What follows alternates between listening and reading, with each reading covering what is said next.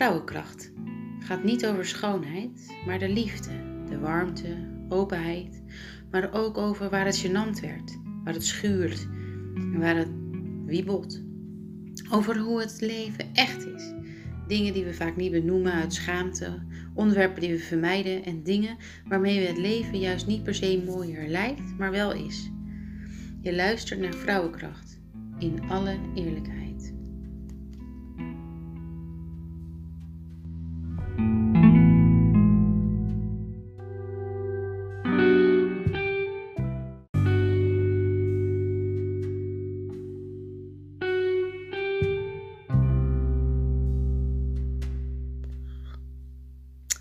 Welkom bij aflevering 1, genaamd We beginnen maar gewoon. Dus we beginnen maar gewoon. Tijdens mijn zwangerschap deed ik een zwangerschapscursus, mindfulness. En na de eerste bijeenkomst sloeg corona een gat in het plan. Gelukkig was onze juf volhardend en bleven we online samenkomen. Na elke online meeting zwaaiden we braaf naar elkaar en gingen we door met ons eigen leven. Ik kon er niet over uit. Ik had behoefte aan contact. Met vrouwen. Met die vrouwen. Die vrouwen die aan de andere kant van het scherm. Wat onzeker vroeg ik of zij ook behoefte hadden om tussen de online ontmoetingen elkaar op de app te ontmoeten. Iedereen was in. Meteen. We begonnen een appgroep. We kenden elkaar nog niet, dus ontdekten elkaar stapsgewijs en steeds meer stukjes deelden met elkaar. We leefden met elkaar mee naar de bevalling en onderweg vlogen de kwaaltjes, de voorweeën, de gênante momenten, de moeilijke keuzes en de babybellen je om je oren. Het voelde zo vertrouwd en we spraken over alles. In alle eerlijkheid. Ik voelde een band ontstaan die hechter voelde dan menig familielid. En we bevielen allemaal op onze eigen manier van vier kerngezonde baby's. Drie meiden en één jongen. En toen zij meer dan een maand oud waren, spraken we voor het eerst met elkaar af. Eerder ontmoette ik al een van de andere dames en hoe dat ging, daar hoor je later meer over.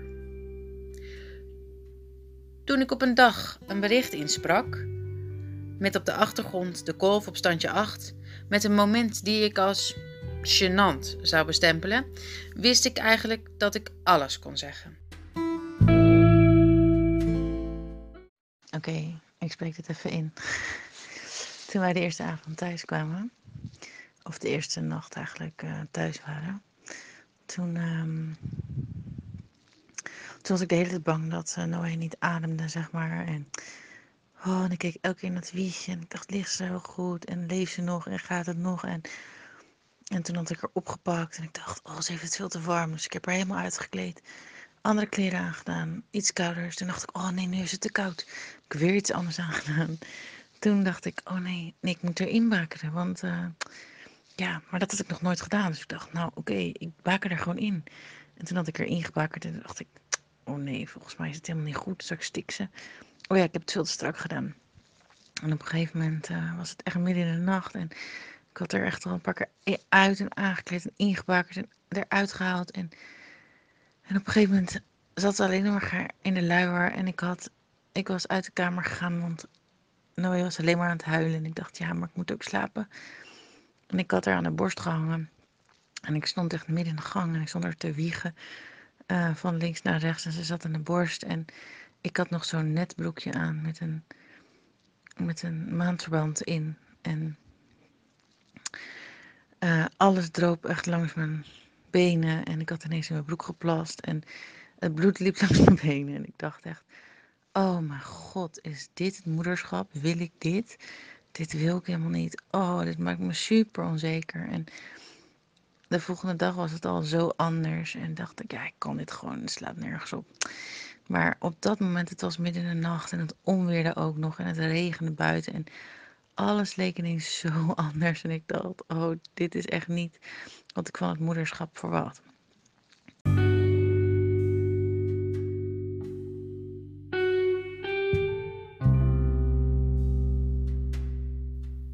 Elke keer als die prachtige vrouwen zag aan de andere kant van het scherm, dacht ik: die zijn zo in control, die kunnen alles al.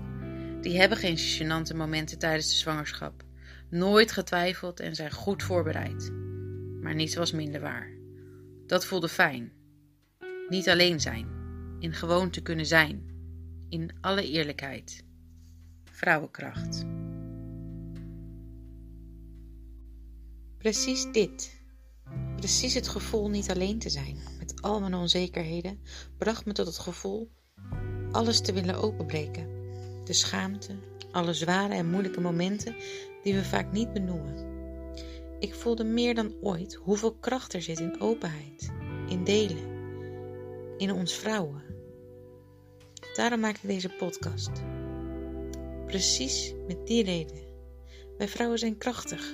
We persen er met alle oerkracht een baby uit en verdienen het niet om hier onzeker over te zijn.